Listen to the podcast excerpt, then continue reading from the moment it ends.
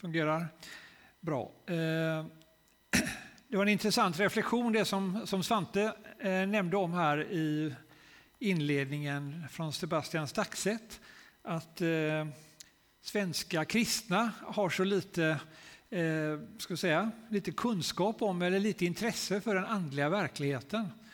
Eh, det är verkligen en spännande reflektion som, som han gör, Sebastian Staxet, när han kommer utifrån och upplever väldigt starkt att utan andens kraft och utan det här, ska säga, det här övernaturliga momentet som den heliga ande innebär när det gäller att kunna, eh, att kunna stärka oss, att kunna eh, göra oss frimodiga, att kunna framförallt kunna förstå både vad Gud vill göra och Guds handlande och vår omgivning, vår tillvaro, vårt liv.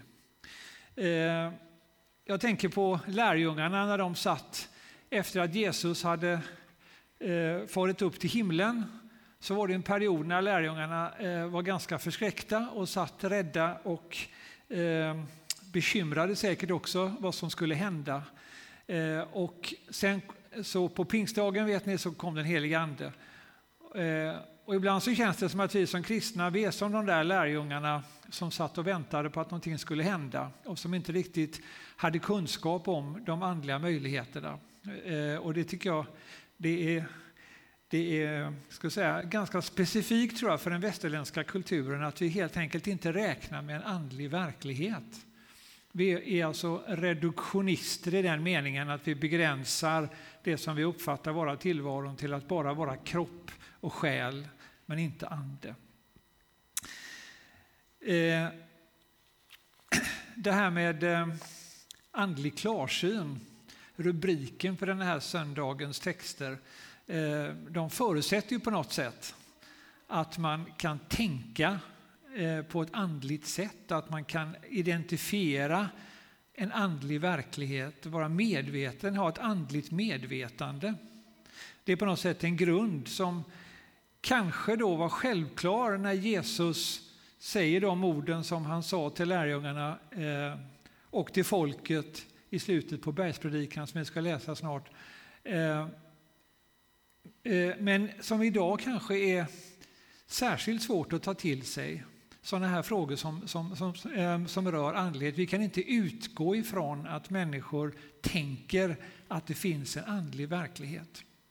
Och själv brukar jag säga att det skulle vara väldigt svårt att förstå alla galenskaper som människor har för sig om man inte kan tänka sig att det finns en andlig verklighet där det både finns någonting gott men där det också finns någonting riktigt obehagligt och ont. Så att den andliga verkligheten det är så att säga eh, inte någonting enbart positivt utan det är någonting som är komplext. Men det är det som är Guds viktigaste medium och det är också genom den heliga Ande som vi kan vara uppkopplade till Gud. Eh, jag ska läsa från eh, Matteus, en kort text här, eh, kapitel 7, verserna 13 till 14. Gå in, eh, gå in genom den trånga porten, ty den port är vid och den väg är bred som leder till fördärvet, och det är många som går in genom den. Men den port är trång och den väg är smal som leder till livet, och det är få som finner den. Och det finns ett parallellställe också, eller, eller lite grann en parallellitet i Lukas 13. Någon frågade honom, Herre, är det bara några få som blir räddade? Han sa till dem, kämpa för att komma in genom den trånga porten. Jag säger er, många ska försöka ta sig in, men inte lyckas.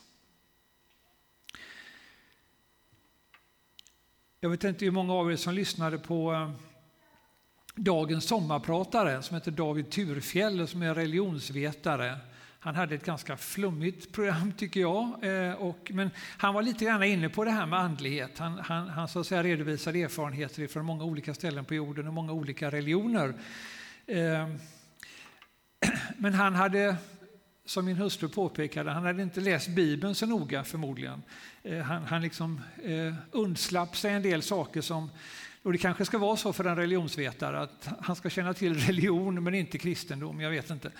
Eh, han, han eh, hade inte gillat den här texten därför att den här texten då eh, är lite utmanande på flera sätt. Eh, vi kan dra en del enkla slutsatser från den här korta texten. Eh, Jesus pratar alltså om en väg som är smal och han pratar om en port som är trång. Å ena sidan. Å andra sidan pratar han också om eh, en väg som är bred och en port som är vid. Det finns alltså två alternativ. Och det är väl ganska uppenbart. Och det är ganska bra att ta just den här bilden med vägar. För att man kan inte då, som den här killen Turfjell, han pratade varmt om buddhismen. För att de hade inte bara ja eller nej, inte svart eller vitt, utan de, de stannade ofta mitt emellan. Det kallas för mo. Man sa inte ja, man sa inte nej, man sa mo. Eh, och det kan vara frestande naturligtvis att säga att nej, jag är inte... Och han tog faktiskt upp just det här att väldigt många svenskar skulle inte identifiera sig som kristna, men inte heller som ateister. Utan, utan man vill vara någonting mitt emellan. Lite mo sådär, mitt emellan. Men just den här bilden med vägen gör det ganska svårt att tänka sig att jag kan, vill inte ta den vägen och inte den, utan jag går mitt emellan, för där finns ju ingen väg. Och man kan inte gå på två vägar samtidigt. Då får man gå väldigt bredbent och det går en ganska kort, kort stund kan man säga. Så att det är den första så att säga, observationen som vi kan göra, att eh, det finns två alternativ. Eh, den trånga porten och den smala vägen leder till livet och den breda vägen leder till fördärvet. Och det är två ganska, ska säga, det är ganska stor skillnad på de destinationerna. I Apostlagärningarna säger Petrus, det var i första hand för er som Gud lät sin tjänare uppstå och han har sänt honom för att välsigna er genom att förmå er alla att lämna ondskans väg. Så det finns alltså två vägar och det finns två destinationer. Man kan tänka sig att vägen beskriver livet Eh, just vägen, vandringen, medan porten ska beskriva målet, destinationen, dit vi är på väg och dit vi kommer till att komma så småningom. Eh, och som sagt var, det blir en väldig kontrast när vi ser på eh, då vad målet är. Och Paulus uttrycker, eller förlåt, Petrus uttrycker det så som att det är ondskans väg. Den tredje saken vi kan konstatera utifrån den här, den här korta bibeltexten det är ju att, att eh, alla inte kommer att finna den trånga, eller de kommer inte eh, att finna vägen, den smala vägen, den trånga porten. Alla kommer heller inte att komma in i den trånga porten, utan endast få. Vi tänker oss ju ibland, och det är väl en fin och from tanke det här att alla ska komma till tro. Och så tänker vi på bibelställen som pratar om att alla knän ska böjas.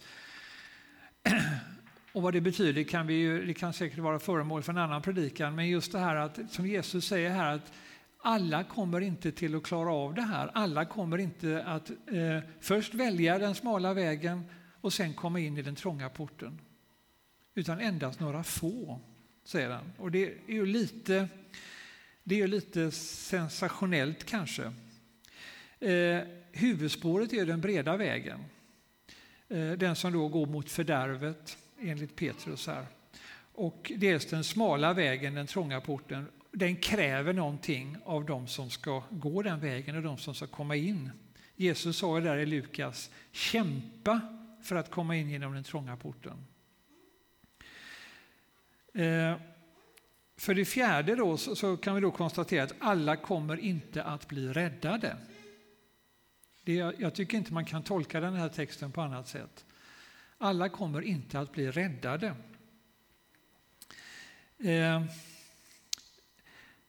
och det är av två skäl egentligen. Antingen så vill man inte gå den smala vägen. Man föredrar den breda vägen, den vida porten. Och kortsiktigt så är det ju mest bekvämt. Eh, det är på den vägen vi redan är, på den breda vägen. Så att eh, många kommer till att välja bort den. Eller så, eh, så säger Jesus också att de kommer inte in i den trånga porten. Eh, och Eh, det är ju lite, det är lite tufft att tänka sig. Den smala vägen är alltså betydligt mer utmanande och det ord som används för smal i texten, i grundtexten, det används i många olika sammanhang i Nya Testamentet, i breven och då har det en annan betydelse. Eh, svårigheter, plåga, nöd, förföljelse. Så det är på något sätt kopplat till att gå den smala vägen. Det är att också riskera att utsättas för svårigheter, för förföljelser, för nöd. Det är någonting som vi i Sverige inte har haft så mycket, som vi liksom inte känner att det är särskilt nära oss, utan det är någonting som säkert andra kan vittna om betydligt mer, mer handfast. Men så är det faktiskt. Att det finns någonting på den smala vägen som inte är enkelt. Det kräver någonting. Så den här bilden som Jesus använder med väg och port och smal och bred, eh, det är ju eh, egentligen grundläggande förutsättningar för oss människor och Guds frälsningsplan. Eh, just det här med att det kräver någonting av oss också. Om vi läser den här söndagens gammaltestamentliga text från Jesaja så står det så här. Förlåt, Jeremia är det. Jag förväxlar alltid de två. Eh, så här, säger, så här kom Herrens ord till Jeremia. Ställ dig i porten till Herrens hus. Där ska du ropa ut detta budskap. Hör Herrens ord, alla från Juda som går in genom dessa portar för att tillbe Herren. Så säger Herren Sebaot, Israels Gud. Ändra era liv och era gärningar, så ska jag bo bland er på denna plats. Lita inte på lögner som här är Herrens tempel. Men om ni verkligen ändrar era liv och era gärningar, om ni handlar rätt mot varandra och om ni inte förtrycker invandraren, den faderlöse och änkan, inte låter oskyldigt blod flyta på denna plats och inte skadar er själva genom att följa andra gudar, då ska jag bo bland er på denna plats, i det land som jag gav er eh, som jag gav åt era fäder från urminnes tid och för all framtid. Men ni litar på lögner som inte är till hjälp. Det här var en annan kontext, men budskapet är detsamma. Och jag tror att det är precis så man kan säga att gå den smala vägen innebär att vi måste göra någonting. Vi måste ändra våra liv. Vi måste anpassa oss efter de krav som Guds ande manar oss till. Det räcker inte med prat, det räcker inte med goda intentioner. Eh, det var som någon sa där att, att eh, tanken var god, ja men det räcker inte. Vi måste också kunna göra gott, vi måste kunna eh, göra eh, någonting som har betydelse. Och det kan vara väldigt svårt, det kan leda till jobbiga konsekvenser. Och Jeremias profetiska ord ger ett antal exempel på vad, vad då judarna skulle ändra på för att få eh, ta emot Gud som, eh, som, ville, eh, som ville bo ibland dem. Eh, han hade ju en lång, lång uppräkning med, med eh, eh, eh, förändringar som krävdes. Och det kanske, det kanske mest, mest utmanande för oss, eller som kanske mest talar för oss, är att vi riskerar att skada oss själva genom att följa andra gudar.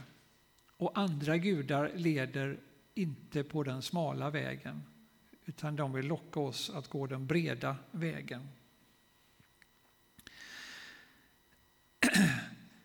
Eh, och eh, Paulus skriver i eh, samma kapitel som Svante läste ifrån, eh, som säger så här. Jag menar att våra lidanden i denna tid ingenting betyder mot den härlighet som ska uppenbaras och bli vår. Den smala vägen är alltså jobbigare, men destinationen och det som väntar, det är ju det som den kristna läran lär oss att det här jordelivet är inte allt. Det här jordelivet är bara en liten del och sen kommer någonting annat, någonting evigt och någonting som är, som är präglat av Guds härlighet. Vad har det här med andlig klarsyn att göra? Ja, eh, vi hörde i episteltexten från Romarbrevet 8 också om, eh, om anden.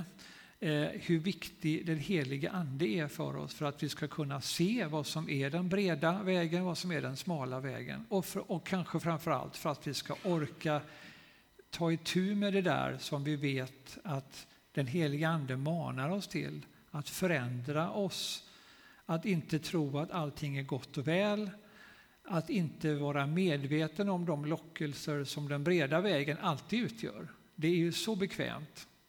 Det är ju så mycket lättare. Så vi får alltså hjälp eh, av den helige Ande. Och det handlar ju då väldigt mycket om att fästa blicken på Jesus, självklart.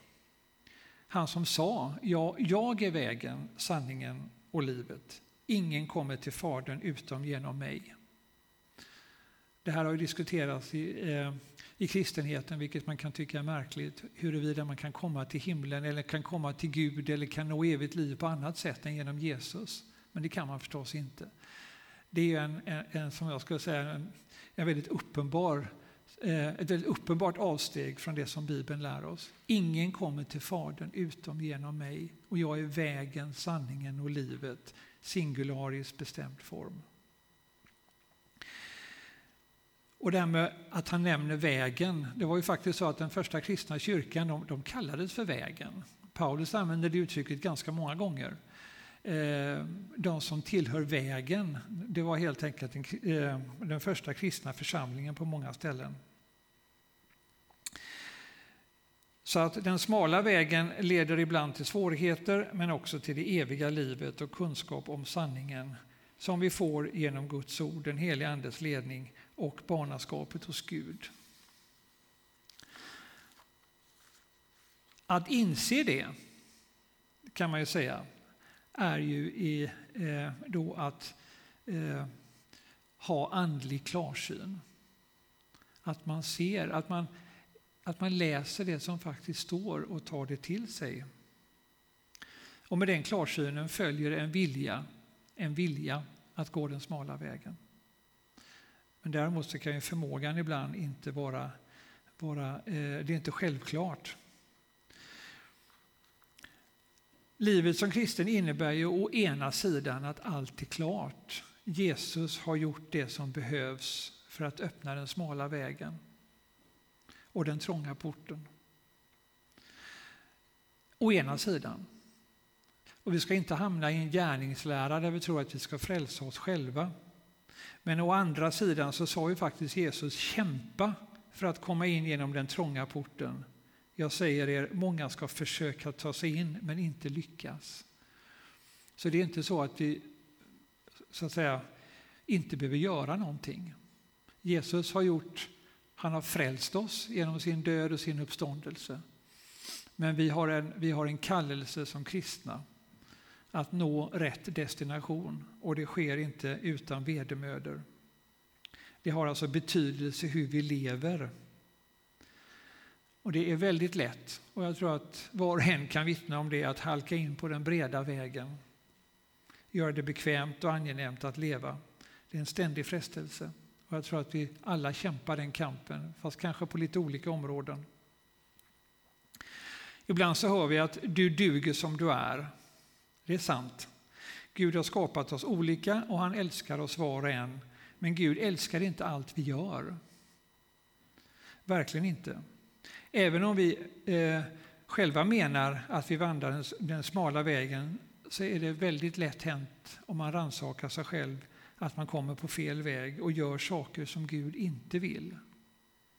Och det, det, eh, det har ju Paulus också vittnat om. Eh, och Jesajas ord gör det här tydligt. Gud har förväntningar på sitt folk. Karl-Erik Salberg har sagt om Klara kyrka, jag tycker det är så bra. Alla är välkomna hit, men allt är inte välkommet.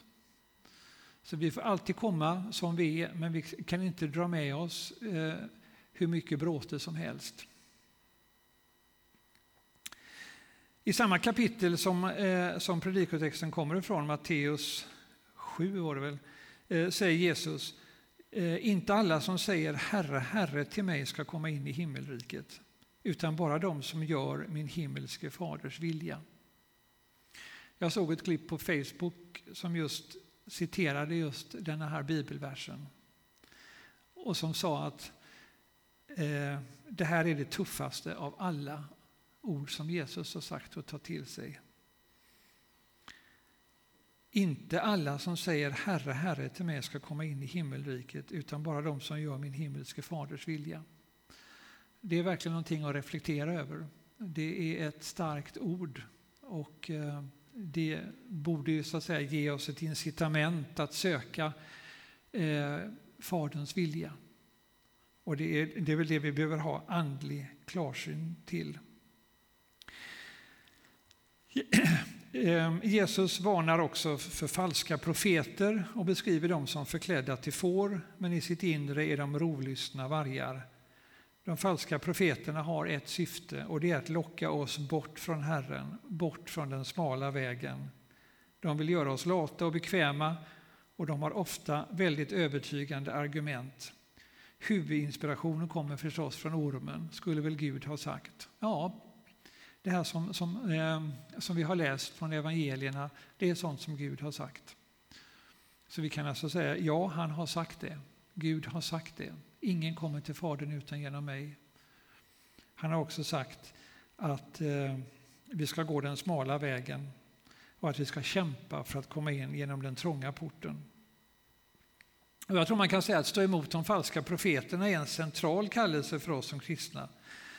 Eh, de falska profeterna de är många, de är olika i olika tider, de talar till oss på olika sätt. Och framförallt vill de få oss att välja fel, att tänka kortsiktigt, att vara bekväma, att överge det som vi har lärt oss och som vi håller för sant och till och med sånt som vi håller för heligt. Eh, de vill locka oss bort från det som Gud kallar oss till. De väljer frågor i tiden där det är jobbigt att stå fast vid Guds ordningar. Vi upplever ju i USA men över hela världen ett, ett väldigt angrepp på den Guds ordning som, eh, som är familjen. Eh, och det tar sig olika former och, eh, och det tar sig olika uttryck. Där hittar vi säkert många av vår tids falska profeter. De vill få oss att släppa Jesus med blicken och titta åt helt andra håll. Och de är smarta, de är svåra att stå emot, de är mäktiga, de använder effektiva metoder, de har oerhörda resurser, de kräver vår uppmärksamhet. Eh, men de vill inte bygga upp oss utan de vill bryta ned. Eh, det finns en ganska nyutgiven bibelparafras som heter The Message. Jag vet inte om ni har kommit i kontakt med den. Eh, den är väldigt, väldigt, väldigt rolig att läsa och det är väldigt mustigt språk. Särskilt Gamla Testamentet. Jag har inte läst hela, men att det jag har läst. Eh, det bibelord som, som, som vi hade, den texten som jag utgick ifrån, eh, den, den, den eh, står så här, eller så här formulerar, formuleras den i The Message. Leta inte efter genvägar till Gud. Marknaden svämmar över av bergsäkra enkla recept på framgång. Gå inte på det, hur populära de än är. Vägen till livet, till Gud, är jobbig och man måste alltid akta sig för att inte förlora den ur sikte. Det är så att säga, ehm, ganska vardagligt språk och lätt att ta till sig. Till sist, en sammanfattning. Andlig klarsyn kan då för det första sägas vara att utifrån kunskapen om Kristi kors eh, i bön och med den heliga Andes ledning inse vad som är sant och vad som ska prägla mig i tanke, ord och gärning. Andlig klarsyn innebär för det andra att se att jag kommer att misslyckas, att hålla mig på den smala vägen, även om jag kämpar eftersom jag har en mäktig fiende med många hantlangare som vill locka mig ur spår. Och tre, andlig klarsyn innebär att se mitt behov av hjälp, av nåd och av förlåtelse. Och det är med den hjälpen som den smala vägen är en möjlighet. Och det är, eh, det är med den hjälpen som vi får om och om igen eh, komma tillbaka, komma eh, så att säga upp on the track igen. Även om vi har ramlat av rejält så finns det alltid en väg tillbaka. Och det är också det som är huvudbudskapet som Sebastian Staxet har. Det finns liksom inget läge där det är där det är helt kört. Det finns alltid en väg tillbaka. Men den vägen är smal, men den leder fram till evigheten. Vi ber. Så tackar vi dig Herre för ditt ord.